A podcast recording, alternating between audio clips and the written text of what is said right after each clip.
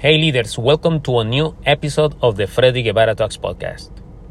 Do you have enough time or enough budget to develop leadership skills for yourself and for your team? Well, actually, there is a new trend that you can use in your organization to develop your leadership skills and develop your leaders in your business. Let me tell you something. Now we are learning on the go. Everything is on the go. You can multitask on the go. And I don't want to discuss whether it is efficient or not to do it, to multitask.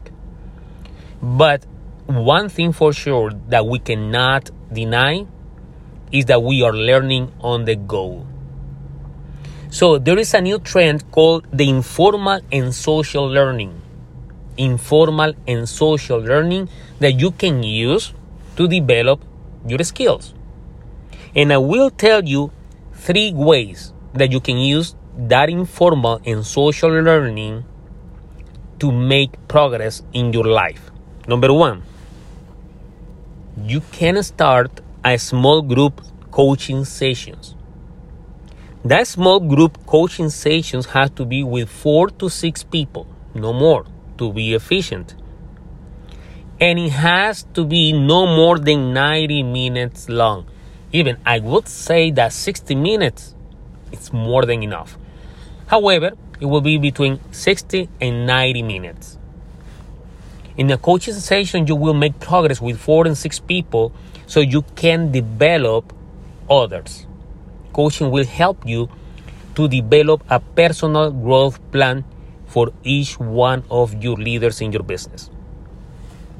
Number two, you can start a book club. Yes, you can assign every leader one or two chapters of one specific book related to personal growth or leadership or team building, whatever the topic is. And every leader is going to read one and two chapters.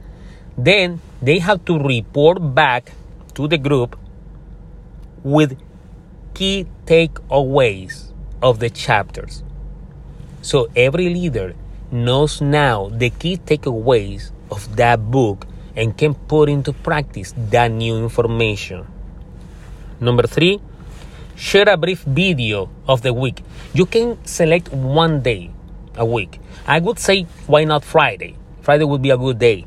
And you can share in a group or you can share via chat one video, one short video about personal development and about best practices in leadership and management. It has to be five, ten minutes. I would say five minutes is more than enough. A bite sized video that can show you a specific skill so your leaders can learn that skill and put into practice.